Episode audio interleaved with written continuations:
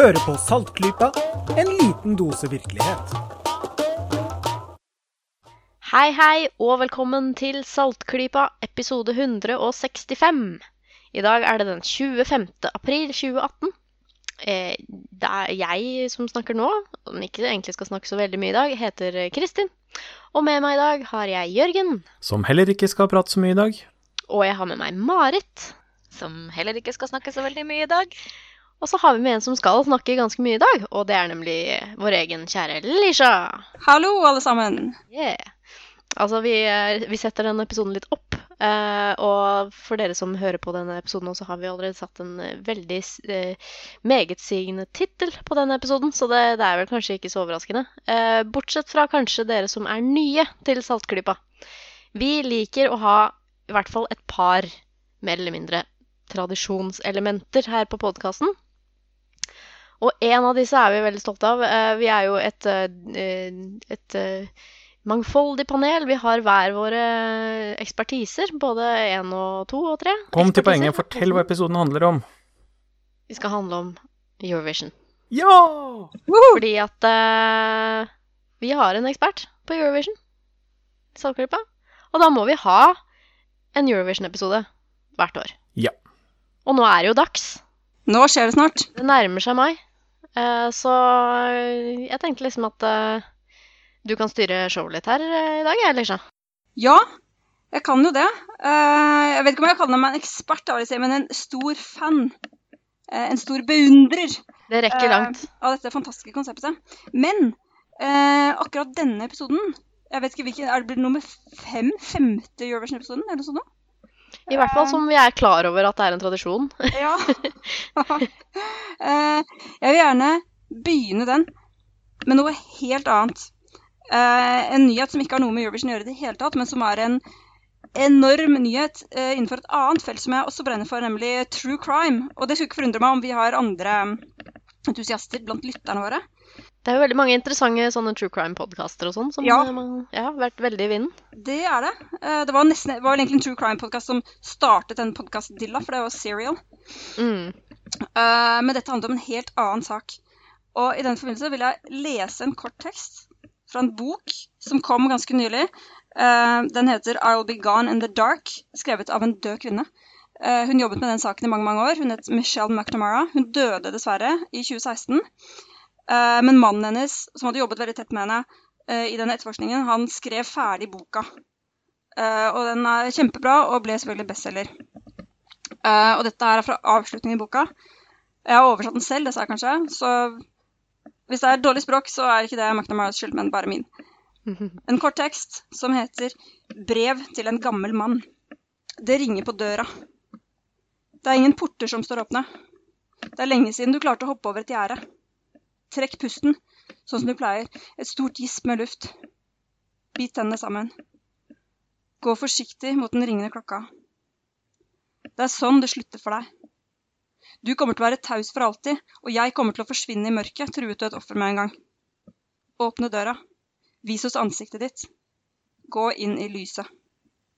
Denne boka den handler om en ekstremt mystisk person.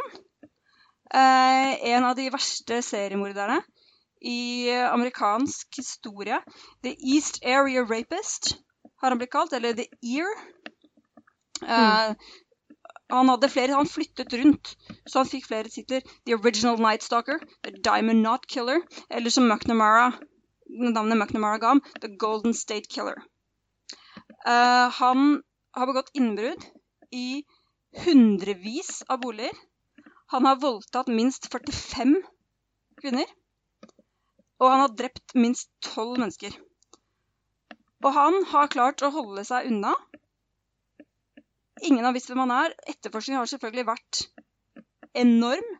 Men ingen har klart å komme i nærheten før nå. Nå har de faktisk i all sannsynlighet tatt ham. Og det er Oi. altså en helt utrolig sak. Og det som er virkelig sprøtt, dette skjedde på 70-tallet og 80-tallet. Så mange har jo trodd at han rett og slett har vært død, da. For han burde være ganske gammel. Men han heter Joseph James D'Angelo. Han bor i Sacramento. Han er bare 72 år gammel. Uh, så forutsatt at det er riktig mann, og det har jeg stor tro på at det er. For politiet som de har tatt han, de har siktet ham for to drap så langt. Det ville de aldri gjort hvis ikke de var jævlig sikre. Eh, og 72 år gammel, da kan han rekke å sone ganske mange år. Eh, for disse altså, helt horrible forbrytelsene. Det finnes selvfølgelig masse forskjellige bøker om han. Eh, hvis du ikke er redd for nattesøvnen, så anbefaler jeg å lese de. Det er en utrolig historie. Det er helt fantastisk politiarbeid som er gjort nå. Og en sånn tragedie at ikke Michelle McNamara fikk oppleve dette her. For hun er en av de som virkelig har bidratt til å holde den saken i politiets søkelys og i offentlighetens søkelys, selv etter at det har nå gått mange år siden det faktisk skjedde noen forbrytelser. Så her er bare Det fikk jeg høre det i dag. Ja, det ble jo annonsert i dag, og jeg er bare helt over meg. Du er litt uh, gira? Ja, jeg er supergira. Dette her syns jeg er uh, Ja, det er helt utrolig. Det er som sagt snakk om mange, mange hundre forbrytelser som denne ene mannen står bak, i et stort Film. område. Filmrettighetene er solgt allerede, hørte jeg? sikkert? Ja, det kan vi bare det- Film og film. En dokumentar-TV-serie, da. skal det være. Ja. Oh. ja, men det er bra. Det holder ikke med bare en film. Uh, så ja, uh, den hittil siste boken er jo selvfølgelig den beste. I'll Be Gone in the Dark av Michelle McNamara.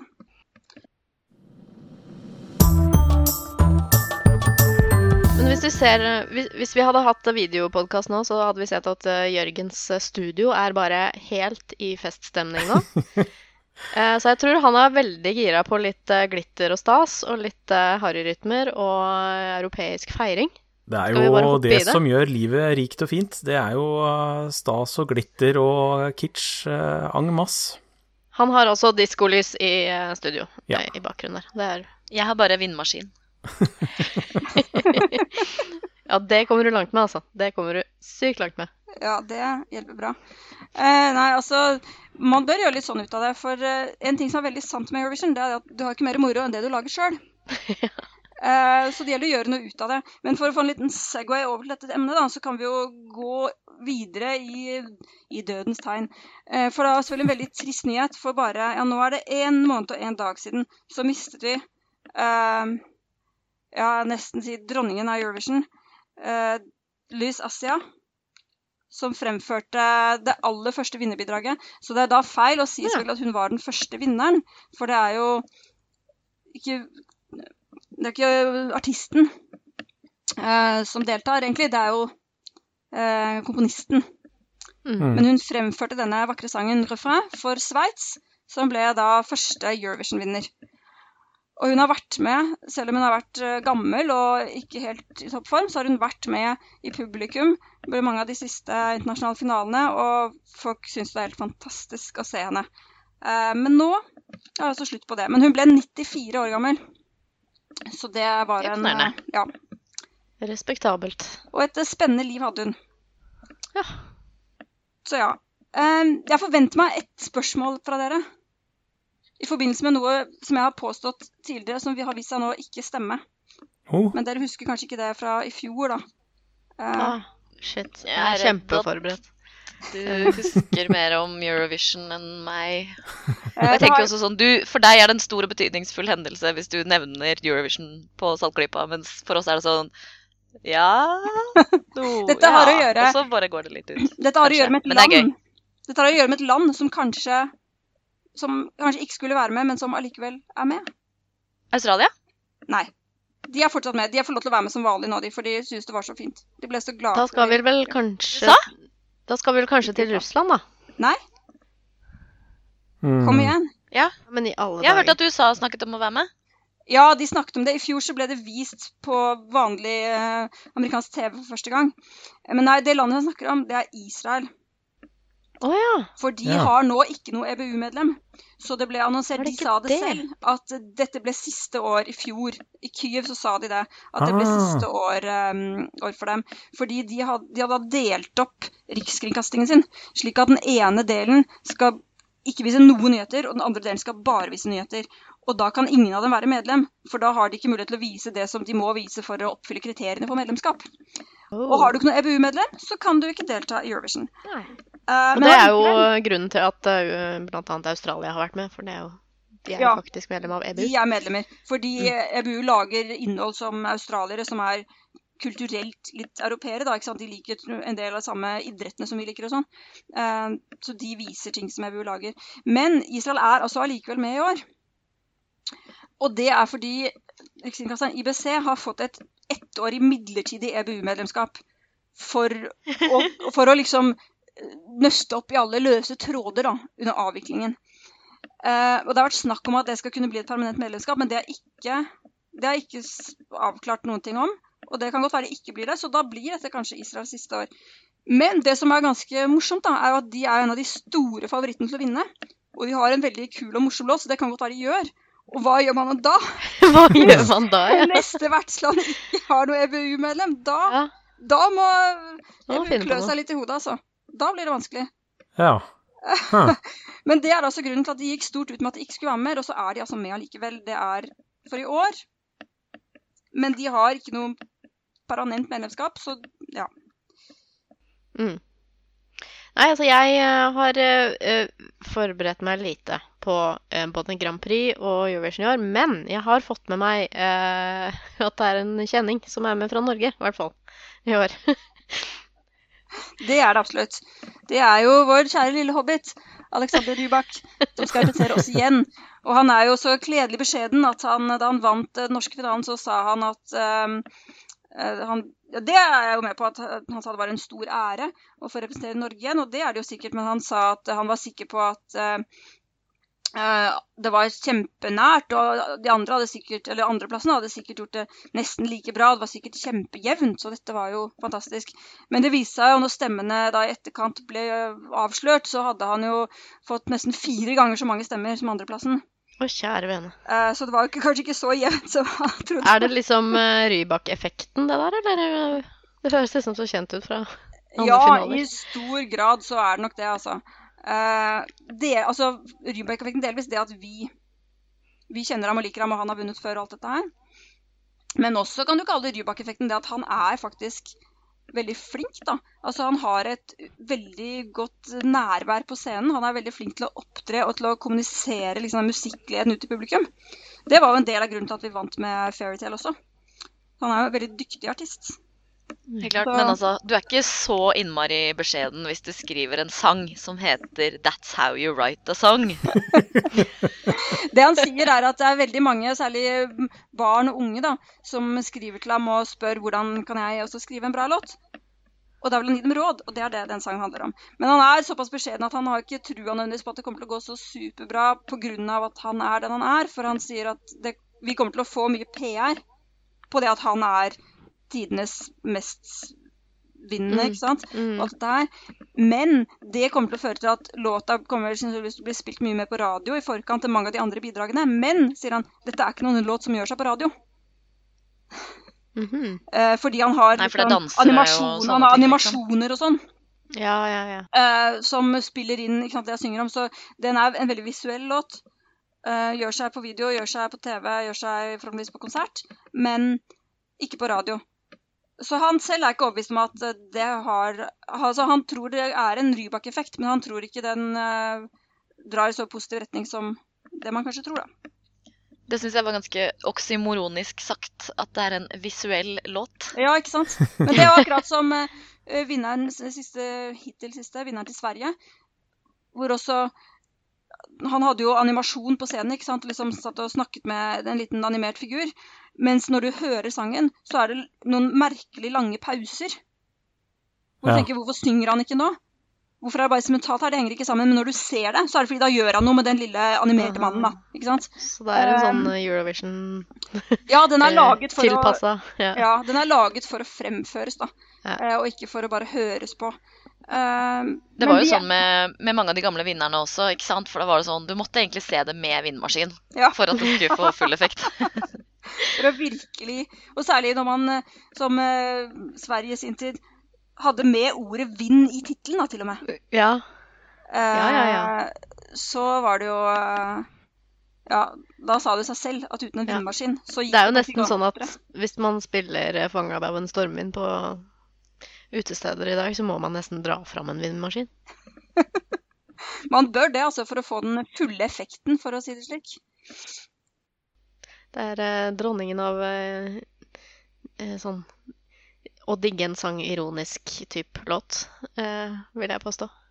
Det er, der, der har du den, altså. Ja, den er Den er kul, men du kan kanskje ikke si at du tar den helt alvorlig. Det er en del sånne låter. Ja, det er damme. Eh, nei, vi skal jo eh, til Portugal. Hva, hva, hva, jeg har inntrykk av at liksom den, eh, den låta som vant i fjor, den var eh, så innmari, innmari storfavoritt. Jeg likte den ikke i det hele tatt. Er jeg den eneste? Nei, du er ikke den eneste. det er ikke den, jeg likte. Ja. Jeg er ikke i din kamp da. Jeg syns den er kjempefin.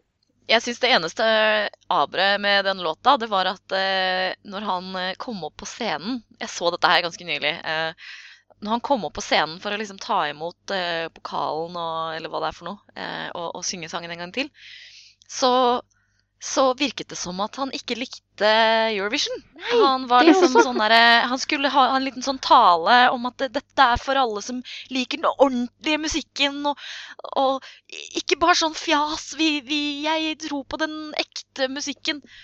Og det syns jeg ikke egentlig passer seg når de 46 andre bidragene er noe annet enn det du lagde. Men du vant, da. ja, du vant, ikke sant? Da får du lov til å si sånt. Men uh, det var litt upassende. Men uh, det er sikkert Ja. Isolert sett så kan det sikkert være en grei låt, men det var ja. Favoritten min i fjor var jo Italia. Men jeg syns det var veldig Det var veldig fint at Portugal vant med den låten som faktisk var en veldig fin og veldig portugisisk låt, da, når de først hadde holdt på i et halvt århundre uh, og ikke klart noen ting.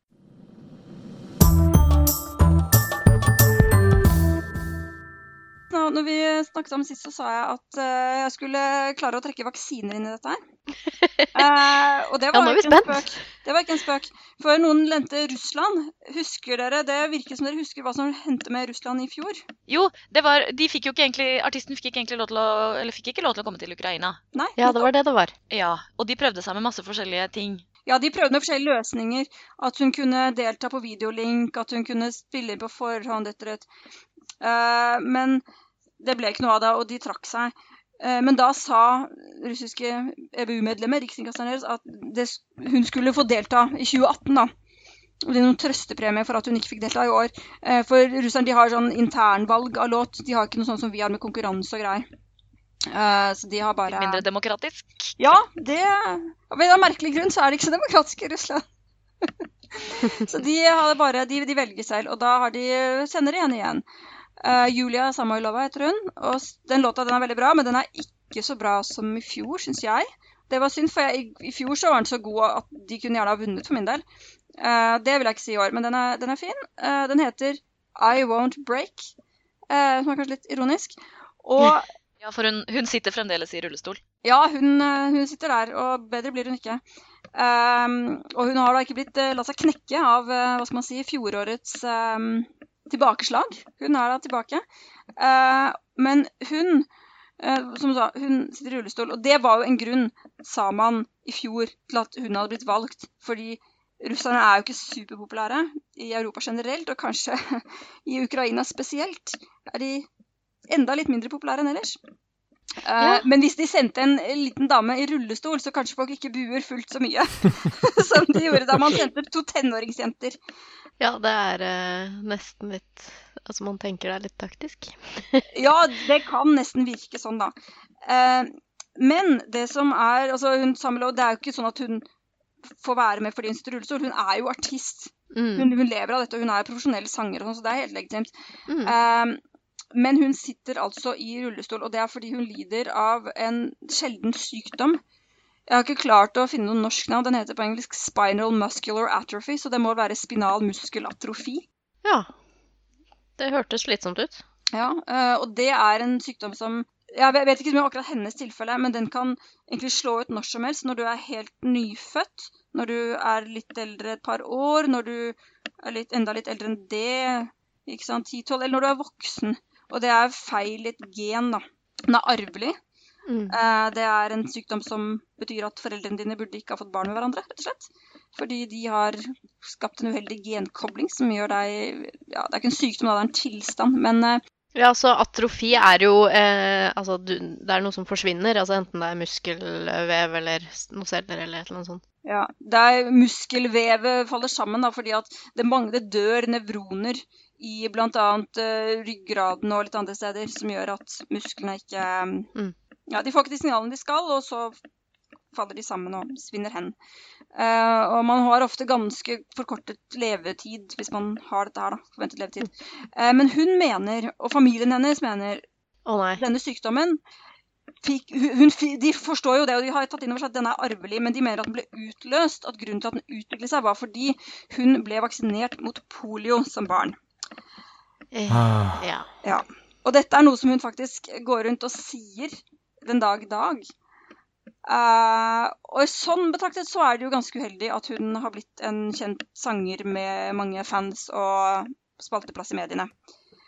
Uh, Mange men som hører på seg. Ja, ikke sant. Eh, men man kan jo håpe at litt mer av historien kommer frem, og at folk klarer å tenke seg litt om. Fordi en av grunnene til at hun nå er såpass dårlig som hun er, som sier hun sitter i rullestol, og hun Når man hører henne synge og snakke, så er det jo åpenbart at ikke Hun, hun har en merkelig sangstemme, en veldig sånn mye pust, eller hva man skal si, i stemmen. Jeg har aldri hørt noen andre med en sånn sangstemme. eh, som jeg regner med kan ha å gjøre med at musklene i overkroppen som du bruker til å få luft gjennom eh, stemme, mellom stemmebåndene, så du faktisk kan produsere sang. Eh, ikke er som de skal heller. Og hun fikk aldri skikkelig legehjelp mot dette her mens hun vokste opp, og mens sykdom da utviklet seg, fordi foreldrene mente at alternativ medisin eh, var mye bedre. Det er eh, the shit, liksom. Det er greia. Mhm. Eh, og der har du nok, tenker jeg, en litt interessant sånn derre eh, ond sirkel. da, At for henne å nå si at det foreldrene mine sier at det var poliovaksinen, det var tull, jeg tror ikke på det. Det er veldig vanskelig, fordi da må hun også innse at hun er meget sannsynlig mye dårligere nå enn hun trenger å være, Mm. pga. de dårlige valgene som foreldrene hennes tok. Mm. Som de sikkert gjorde, fordi hun er barnet deres, og de elsker henne, og de vil det beste for henne, og de trodde oppriktig at det var det beste. Helt sikkert. Men det gjør det veldig vanskelig for barnet da, å, å bryte ut av det seinere og si til foreldrene at dette her var jo bare sjuke greier som dere aldri skulle ha gjort. Da, da klandrer du foreldrene dine da, for ting som det blir, det blir jo en mye mer kompleks problemstilling, ikke sant? For det er på en måte Vi vil jo så gjerne tenke at vi er rasjonelle, og at vi tar beslutninger basert på det rasjonelle, og hvordan vi tenker, og, eller at det er lurt å tenke rasjonelt. Men i realiteten så sauser jo alle våre holdninger og posisjoner seg inn sammen med relasjoner til andre mennesker, og følelsesmessig investering, og ja, tidsmessig og økonomisk investering. Altså hva, alt hva man har lagt i en posisjon fram til det punktet, veier også noe det er ikke så lett for oss å, å bare vende om. Eh, og i hvert fall hvis du må på en måte fortsette å konfrontere det. Én ting er jo hvis når foreldrene en dag blir så gamle at de forsvinner eh, eller går videre, denne, eh, går videre fra denne verden, så kan det jo være lettere da ikke sant, å ta et oppgjør med det. Men det er klart det, det blir eh, Ja, jeg skjønner godt at hun eh, aldri vil kunne si noe annet nå. Ja, mye psykologisk på spill. Ja, og det triste med den sykdommen er jo at det er ikke så veldig sannsynlig at hun kommer til å overleve foreldrene sine. For disse, hun er allerede 29 er hun vel, og disse blir ikke så veldig gamle, som regel, de som utvikler dette som barn. Men nok om alternativ medisin, for skolemedisin er jo det vi tror på, og det som beviselig slår disse alternative tullingene ned i støvlene. For fjorårets vinner, som faktisk er vinneren, for han komponerte sangen sammen med søsteren sin, uh, i tillegg til at han fremførte den Salvador Sobral, han er jo hjertesyk. Uh, og Ja, stemmer det. han hadde en ganske alvorlig hjertefeil. Han var såpass svak faktisk at på prøvene i Kyiv så kunne han ikke delta på de fleste prøvene. Det var søsteren som Ja, hun var hovedkomponisten, da. Kanskje hun kanskje jeg husker feil, kanskje hun var komponert til alt. I så fall så ber jeg om Jeg syns unnskyldning jeg husker det at det var hun som skrev den, og han som fremførte den. Ja, eh, hun sang på de fleste prøvene, da. Um, så er jo tradisjonen sånn at under åpnings... Åpningsseremonien er kanskje å ta litt hardt i, men under åpningen av finalen da, så fremfører man fjorårets vinnerlåt av eh, artisten fra fjoråret. Og den tradisjonen har stått ganske i fare i år pga. at eh, han, helsen hans har vært så svak. Så I den grad at han hadde en konsert i september i fjor som var Han sa en midlertidig avskjedskonsert. Eh, Men fremtiden var helt uviss. Han ante ikke egentlig hvor lenge han kom til å leve, men i desember så fikk han transplantert et nytt hjerte. Wow. Mm. Eh, og han lå på sykehus i flere uker. Han ble utskrevet i januar, og da sa legene at uh, nå må du bare ta det helt med ro, du må holde deg unna store menneskemengder. uh, Men mai er jo noen måneder fra januar, så det er jo faktisk en mulighet for at vi får se ham på scenen i Lisboa. Eh, fordi denne utrolige operasjonen har da klart å forlenge livet hans sannsynligvis med mange, mange år. Ha. Det er jo fantastisk. Hjertetransplantasjon syns jeg er helt sinnssykt. Det er sånn at man bytter noe så sentralt. noe som binder sammen Ja. så mye. Og på et tidspunkt så ligger det jo der faktisk uten hjerte, da. Mm. På operasjonsbordet i en kort periode. Hjerteløst. Det er jo, ja, Helt hjerteløst. ja, nei, det er ganske utrolig. Og jeg håper jo veldig at eh, vi får se Salvador fremføre den vakre sangen sin. Ja, det er, jo, det er jo litt tradisjon det, da, at man får høre fjorårets artist. Det er veldig mm. tradisjon. Mm. Uh, og heldigvis så kommer de sannsynligvis ikke til å ha noe sånn veldig high-paced stressnummer, da, så han trenger ikke løpe rundt så mye. Selv om det kan skje, for som dere helt sikkert husker, så vant jo Serbia i 2007 med en rolig, langsom ballade. Uh, men når den da skulle fremføres under åpningen i Beograd um, da året etter, så var det blitt plutselig til en skikkelig kjapp danselåt, og de løp rundt på scenen og slo seg løs. Eh, men det funka veldig bra. Funket Av en eller annen grunn så tror jeg kanskje ikke at det er tilfellet med Nei, denne sangen nei. blir nok eh, ikke det. jf. talen hans Ja. i fjor. Men det kan også være vi får se ham på scenen, selv om han eh, så sent som da i desember eh, fikk satt inn et nytt hjerte i kroppen sin. Det er eh, helt utrolig.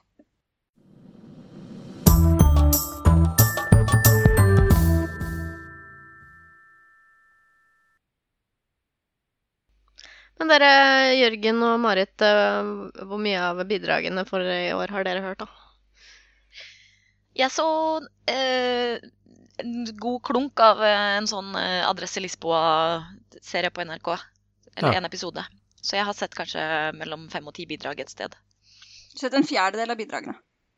Jeg har eh, satt på en eh, YouTube-video med klipp fra alle innslagene, og det er faktisk det eneste jeg overhodet har fått med. Jeg hadde ikke engang eh, hørt Rybak sin låt før det, så Jeg har sett eh, Jeg har sett Rybak sin. Og så har jeg vel sett noen klipp fra Jeg begynte å se på Sverige sin. Den slo jeg av ganske fort. Og det var liksom akkurat som å sette på P3. Nå hørtes jeg veldig gammel ut, men det var liksom det. Eller å liksom henge på treningsstudio. Eh, og så Ja, det var vel faktisk Israel sitt bidrag òg, som var ganske høyt oppe på lista der, så jeg fikk hørt litt av den òg. Den var snodig. Den, var, Den er snodig. Hun Spennende. med som en høne og løper rundt. Men eh, den er som sagt en av de virkelig store favorittene. Jeg må bare si det om Sverige. Jeg vet ikke om det var en tanke som slo deg. Du husker kanskje ikke Nei, det var alle eh, fjorårets bidrag og sånn. 30 sekunder. eh, men, Men ja.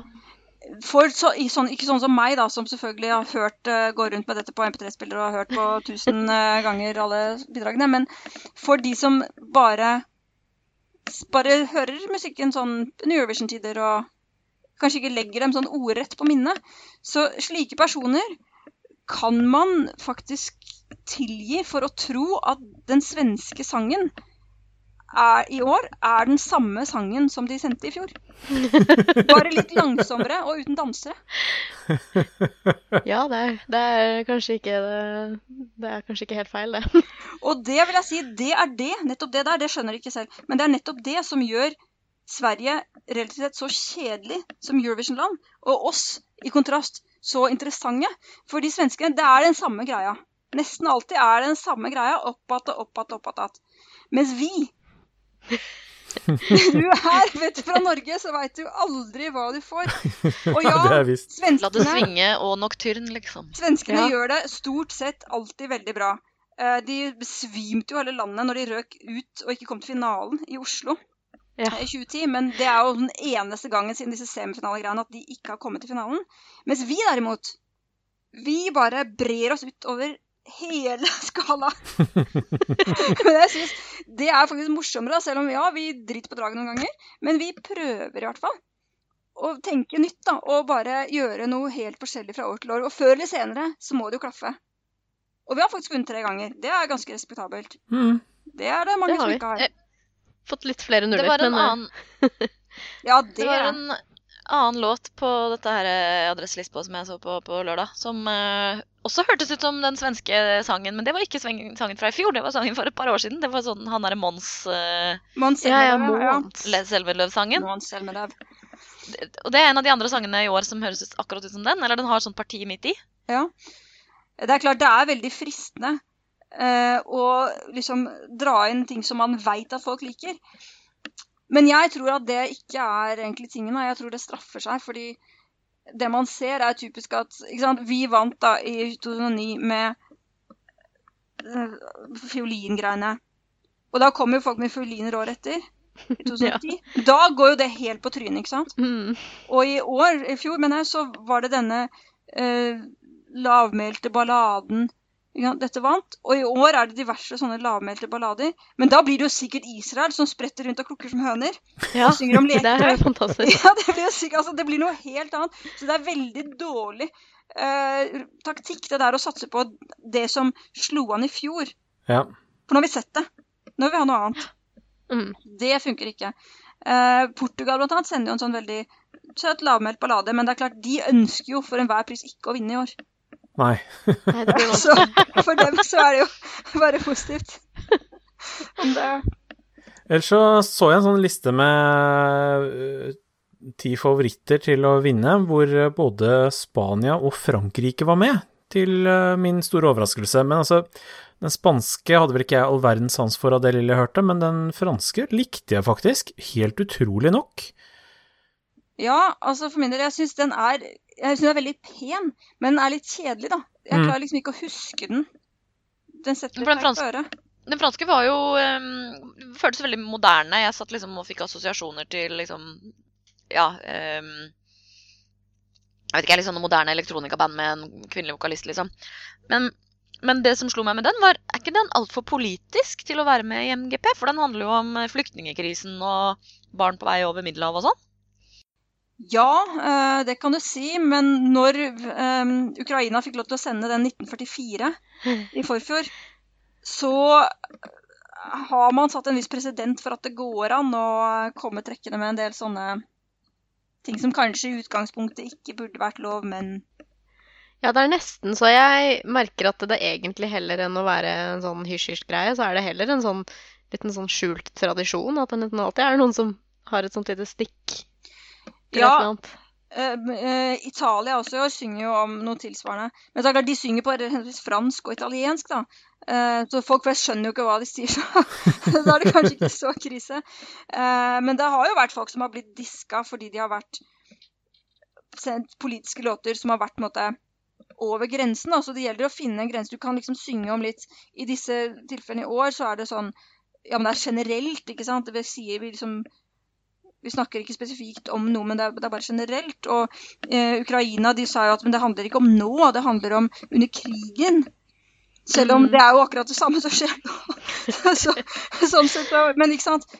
Lar de det argumentet slippe unna for Ukraina, da, så blir det vanskelig å komme og si at dere får ikke lov til å synge om flyktningkrisen til franskmenn. Liksom, fordi da har du ja, da har du lagt lista et sted da, som eh, er relativt høy. Jeg personlig syntes ikke at 1944 burde ha blitt uh, uh, sluppet gjennom.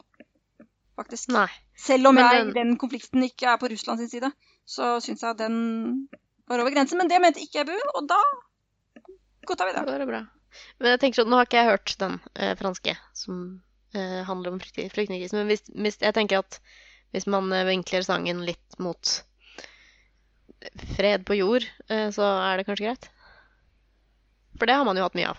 Ja, altså det må det jo være lov til å synge om. Hvis man Den handler vel om om fred på jord. Medmenneskelighet. Ja, Ja, ikke sant? Den handler, den handler ikke om noe veldig konkret, den handler om mer sånne allmennmenneskelige temaer, da, som man Veldig få politikere som angripes direkte, kanskje. Ja, Da er det greit. når Georgia ble disket i sin tid, så var det jo fordi de hadde Vladimir Putins navn i tittelen. Ikke sant? ja. At eh, den hele låta het For de var jo da under angrep fra Russland, bokstavelig talt. Eh, Og den låta het We Don't Wanna Put In. Mm. Så- Thinly veiled, kaller man det Ja, på godt norsk. very thinly veiled. Og de fikk beskjed om at det der, det går ikke, dere må skrive om teksten. Og da sa de det gidder ikke, og da sa vi ok, men da er det diska. Og da sa Georgia det er helt greit. Så da ble man jo enig. Det var, jo, tror jeg, nesten den gangen så var det mer for å De skjønte at ikke den ville komme gjennom, men de De fikk mye oppmerksomhet på det, da. Rundt Mm. hendelsene i landet. Og så var det kanskje effekten oppnådd. Men Lisha, hva er egentlig de liksom drøyeste og sprøeste innslagene i åra?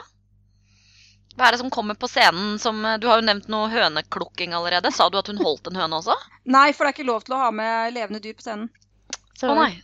Så det går ikke. Okay. Ja, det uh. Nei, hun, hun klukker som en høne. Altså Det som er, blir det litt interessante i år, da, det er det at uh, portugiserne For de hadde jo, som sagt, vi har sagt, det var veldig lavmælt og rolig sang.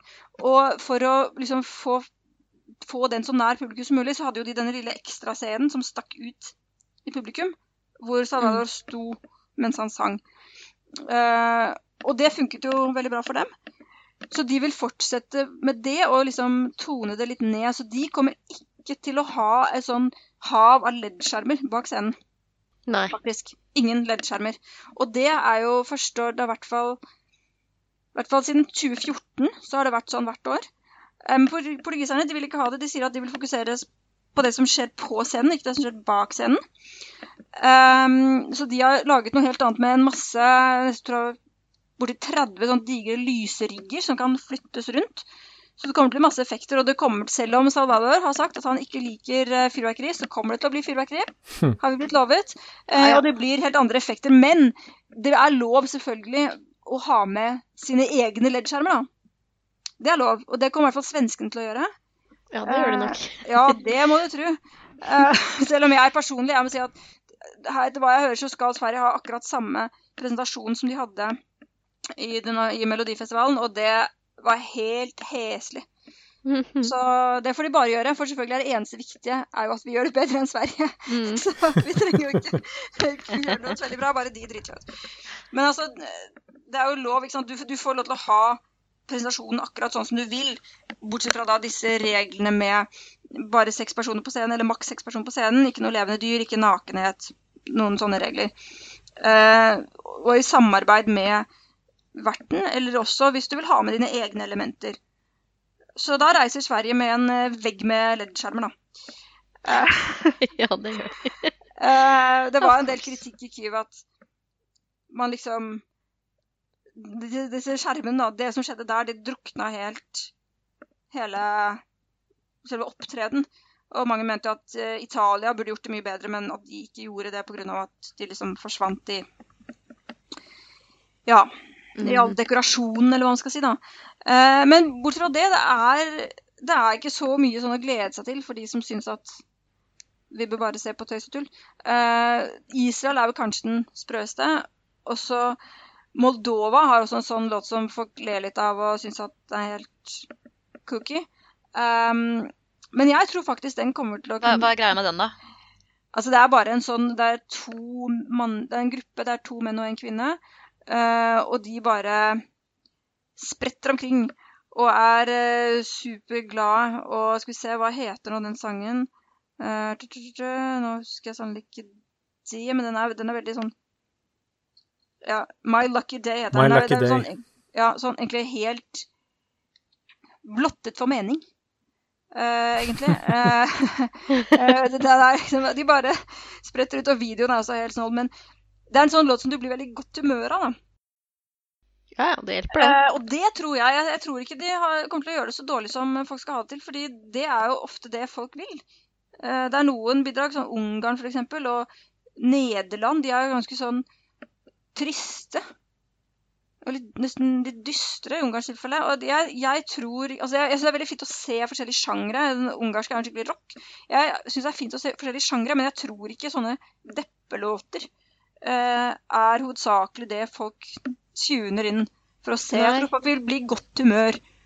Ja, de vil i Um, hvert fall ikke stemme det opp, liksom, heller, da. Sånn. Nei, jeg, jeg tror, men samtidig, min, eh, mitt yndlingsbidrag eh, over, altså for alle tider i Eurovision eh, er jo eh, Serbia 2007, og det er jo en veldig trist og deprimerende ballade. Eh, så det kan skje, jeg skal ikke si at det ikke kan skje. Eh, men jeg tror også Det er litt sånn merkelig låt, den eh, det moldovske bidraget. Moldovanske, moldoviske. Eh, bidraget fra Moldova. bidraget fra Moldova. Men jeg tror som sagt at den kanskje har litt bedre sjanser enn folk tror. Eh, og så er det Tsjekkia, da. De har jo Dere husker jo sikkert um, uh, Sax Guy.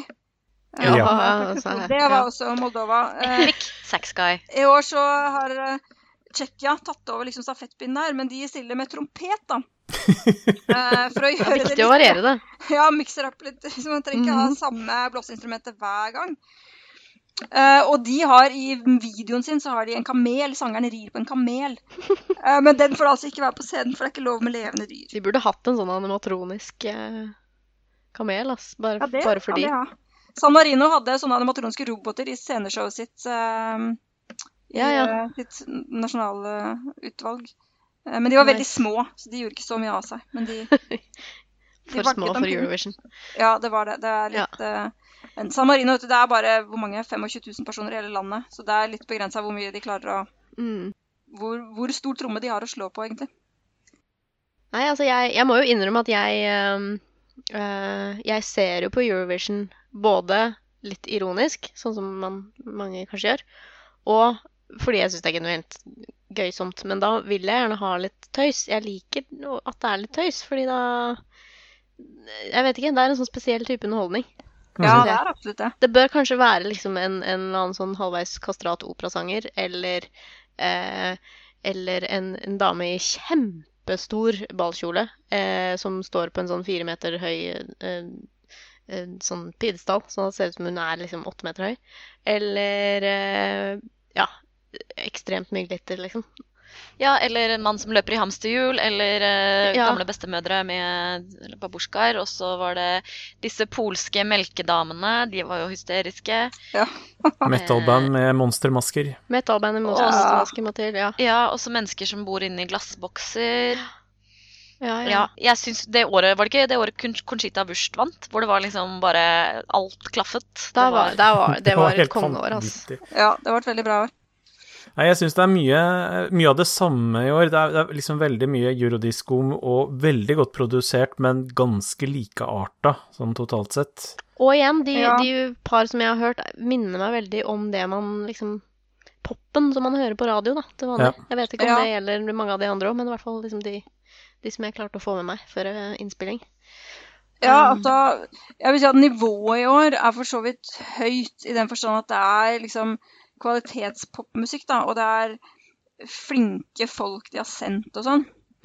Men Altså, det her kommer til å høres litt slemt ut, da, men når nivået er liksom jevnt ganske høyt, så betyr det ofte at det kanskje ikke er noen sånne superbra bidrag som type ja, Rise Like a Phoenix da, eller Fairytale, som bare åpenbart kommer til å knuse alle, ikke sant? Uh, Euphoria. Um, men det betyr også at det ikke er noen sånne helt psycho-låter hvor du bare sitter og tenker at herregud, mora til den filmen må jo skamme seg nå. Hvor du liksom eh, Hvor du ikke kan fatte og begripe. Dette har altså vunnet en konkurranse. Dette var det beste bidraget. Da. Kanskje Noen ganger er det jo masse, noen ganger går det jo i flere, som i Sverige. Det er jo dusinvis av låter, og dette var altså det beste. Eh, ja, men det er ikke så mye sånt i år, altså. Det er, um, men det er, du ønsket deg en kastratsanger, det har vi ikke. Men Irland synger i falsett, da. Ja, Det er kanskje noe. Og det er en av de. kanskje. Nå husker jeg ikke hvem det er, men det kan være, det kan være Kypros eller det kan være Malta. I hvert fall en av disse hvor de drar av henne kjolen. da. Hun har en veldig stor og klumpete kjole. Eller det hadde hun i den nasjonale. En veldig stor og klumpete kjole. Og så drar de den av. Og så er det selvfølgelig en annen finere kjole under. Å ja. ja, men det, det blir ikke gammel den, altså. Man kan godt ha med en sånn. Personlig så blir jeg litt grann mistenksom når jeg ser sånne ting, for jeg tenker at eh, hvorfor ønsker de å distrahere oss med dette her, da? Ikke sant? Hvis låta er virkelig god, så trenger de ikke å komme med alle disse triksene. Men samtidig så Når du sa fire meter høy kjole, så tenker du sikkert på um, Jeg var ikke det Moldova da, i 2013, hvor hun steg opp på en høy søyle, og hun sang på moldovisk, på språket de snakker i Moldova. Um, og altså At det var en litt sånn bisarr uh, elektronikaopplegg. Ja, og det, så var det masse sånn der lysshow på kjolen hennes. Uh, og det var jo helt fantastisk. Og det var Jeg husker når jeg så det opprinnelige, så tenkte jeg låta er kjempebra. Altså når hun ble valgt. Så låta er kjempebra. Men det showet ser jo helt forferdelig ut. Vi kan ikke vise dette her. Fordi det var jo Kiss Now, ikke sant? hvor de har liksom tre kroner i årlig budsjett på hele Rikskringkastingen. Så de, det så jo virkelig ikke ut i måneskinn. Men når de kom til Sverige, da, og fikk bruke SVTs budsjett på å få det sånn som de ville, da ble det andre bollers. De hadde, bare, de hadde beholdt samme opplegget, men de bare brukte svenske penger, eh, kort fortalt, for å få det Og da ble det jo helt fantastisk bra.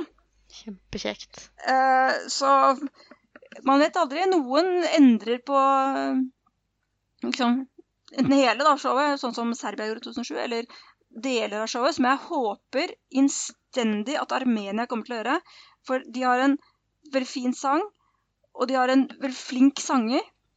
Men i finalen i Jerevan så hadde han på seg et antrekk som var så fullstendig hinsides at jeg ville ikke stemt hvis han hadde, Jeg ville ikke stemt på den låta, samme om det var den beste Det antrekket Jeg ble helt rystet i min innerste av at et voksen menneske kan vise seg sånn offentlig. Men det har vært, jeg har laget en YouTube-video om det. Ikke bare om det stygge antrekket, men det ble jo en gjentagende emne i den videoen, da, i anmeldelsen min. Og da var, kom det armenere og sa at han skal ha på seg noe annet. Nå fikk jeg jo lyst til å se dette her, da. Ja, du kan gå inn uh, bare og google Jeg mener, søke på YouTube på ESC 2018 Armenia. Vet du hva, jeg En voksen mann, altså. Nei.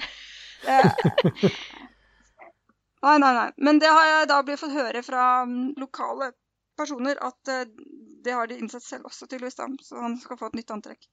Ellers så blir det jo litt variasjon. Har, det er vel øh, Estland, er det ikke det, som har et operanummer? Eller ja, operapop-nummer? Som de selvfølgelig synger jo... på italiensk, så det blir to bidrag på italiensk i år. Oi, oi, oi. Og der ser det ut fra et bilde jeg ser, i hvert fall, som det er snakk om en veldig stor kjole. Kanskje hun står på noe under her også, jeg vet ikke. Ja, det kan være. Ja, det, blir en, det, det, blir et dramatisk innslag. Det er faktisk en av favorittene. Ja. Uh, så det, det, blir spennende. Jeg, jeg, har ikke helt troa på opera, for når man har sendt opera, andre land har sendt operabidrag tidligere, og det har liksom ikke slått an. Det er ikke den som har vunnet, liksom? Uh, nei, det er ikke nei, det som har det, det. det, har ikke gått veldig langt. Sverige gjorde jo det for noen år siden, og da Ja. De kom ja, seg jo til finalen, men det var nå ikke noe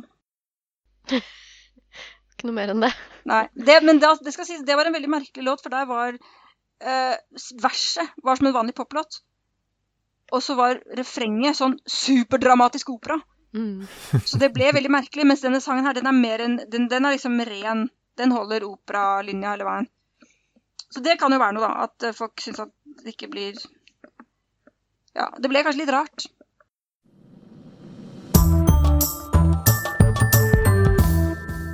Men uh, hvor kommer du til å være på finalen da, Lisha? Ja, altså På selve finalen så skal jeg være på den tradisjonelle Eurovision-festen hjemme hos eh, noen venner hvor vi spiser eh, en bedre middag bestående av en eh, tradisjonell rett fra landet som er vert. Så Portugal, da? Eh, ja, så vi satser på bacalao i år, tror jeg. Mm. Eh, så det har vært Det varierer litt. Det er samme vertskap hele tiden, og hun må jo lage maten til oss, da. Eh, så i 2011 så var det jo veldig morsomt for alle oss andre som satt og diskuterte at hva hva betyr dette for konkurransen? De er jo nesten et uh, diktatur, og dette kan jo ikke være så bra. Hvordan vil de takle dette? Mm -hmm. Mens vertinnen da satt i sofahjørnet og bare gjentok og gjentok. Men hva er det de spiser i Aserbajdsjan, da? Hva er det de spiser i Aserbajdsjan? men hun fant ut av det. Uh, og når Danmark vant, så ble det selvfølgelig bare røde pølser og ja. uh, potetstappe. Potetmos. Og vi trengte ikke engang å vaske opp etterpå, for da hadde hun bestilt på internett sånne pappting. Uh, som du får det i når du kjøper det i en pølsebod. da. Ja, ja, ja. Så det var skikkelig gjennomført. Som sagt, man har ikke mer moro enn det man lager sjøl. Men på Nei. den eh, første semifinalen, da skal jeg være i Lisboa og se det live. Uhu. Det er jo da fantastisk. er jeg der. Ja. Uh, men det er ikke vår semifinale. Um, vi er i den andre. For jeg måtte kjøpe disse billettene før det ble klart. For jeg skal noe annet i Portugal også. Um, men min og nesten si min favorittlåt i år. Eh, det er Finland, og de skal være i den første semifinalen. Så jeg får se dem, og det blir veldig spennende, for det er en utrolig ja. kul låt, men den må de fremføre veldig bra. Må ha, vi må få til et trøkk i den, og det har de ikke klart i de livefremføringene jeg har sett, syns jeg. Uh, hmm. Så jeg er ikke helt overbevist. Uh, de kan uh, drite seg ut og ryke ut, men jeg syns låta er veldig kul. Så det blir gøy. Eh, men jeg må dessverre hjem eh, dagen etter. For da er det, dette kan jeg, hvis det er noen true crime-fans her, så kan jeg tipse om det. Den 9. mai, altså dagen etter første semifinalen, da jeg kom hjem, så er det liveshow i ja, Folketeatret heter det vel nå. eh, Gamle Operaen. eh, Med My Favorite Murder. Den eh, morsomme true crime-podkasten. Ah. Som jeg vel tidligere har anbefalt her. Og der sa de nå på siste episode at det var fortsatt ledige billetter i Oslo og et eller annet annet sted i Europa. enn forestillinga. Så i Oslo er det faktisk fortsatt mulighet å kjøpe billett til My Favorite Murder den 10. mai. Kult. Gratis tips. Nei, men Det høres veldig bra ut. Eh, når du, eh, hver gang du har eh, holdt ditt lille Eurovision-nerdeforedrag her, så pleier vi også å spørre om du fremdeles driver med litt sånn live-blogging eller sånn på, i løpet av konkurransen. Jeg gjør jo det, men på den første semifinalen så kommer det nok ikke til å bli så mye av det, da. Nei, det kommer det heller til å bli i Forståelige grunner. Ja. Da får jeg vel skrive noe når jeg kommer hjem. Men andre semifinal, da, og finalen ja. Har du også Og så har du vel eh, fremdeles kanskje en YouTube-kanal også, har du ikke det? Ja da, jeg driver og lager Jeg er fortsatt uh, ikke mer enn kanskje to tredjedeler ferdig, men jeg skal lage en videoomtale av hver av bidrag, hvert av bidragene. Før så, Mens det fortsatt er relevant, for å si det sånn. Uh, og det, var da, det er ganske nyttig. Da får jeg vite informasjon som f.eks. av disse armenerne kom og fortalte meg i kommentarfeltet at uh, han skal bytte antrekk. Sangeren Ja. bytte antrekk. Få lov til å kjøpe nye klær. Så det var veldig nyttig. Det var um, Det er et lite samfunn. Uh, ja, det er det absolutt. Det er eh, Mm. en masse fans og Nei, men det, jo, det blir jo det man gjør det til. Man har ikke mer moro enn det man lager sjøl. Jeg tror det er Jeg tror det er det perfekte motto. Ja, absolutt. Ikke Ja. bare i denne sammenheng, men Nei. i svært mange sammenhenger i livet så er det en god ting å skrive seg bak øret.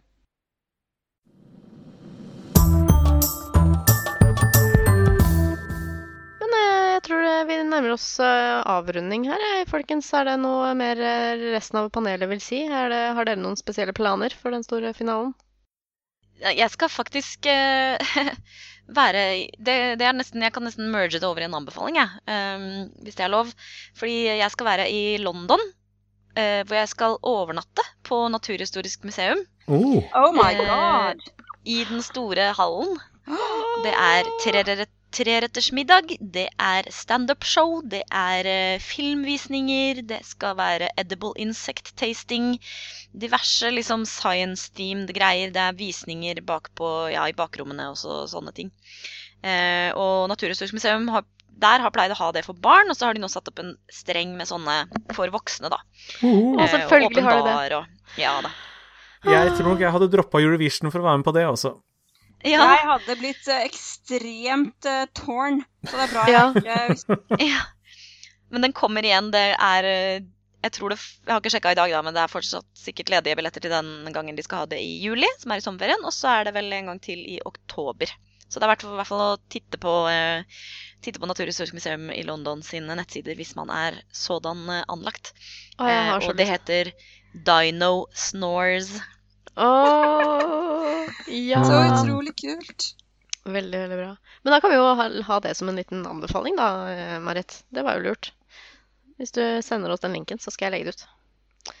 Klart det. Det tror jeg var, eh, det, det tror jeg var episoden.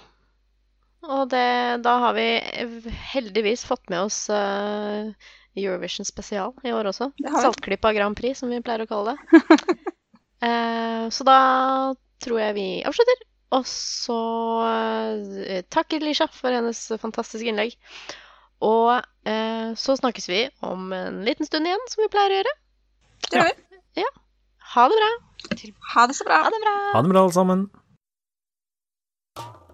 Saltklypa lages av Kristin Lisha, Jørgen og Bendik. Har du spørsmål, anbefalinger, ris eller ros, send det til post at saltklypa.no, eller finn oss på Facebook. Lenker til alt vi har snakket om i episoden finner du på saltklypa.no, hvor du også kan abonnere på podkasten for å få hver episode levert på døra helt gratis.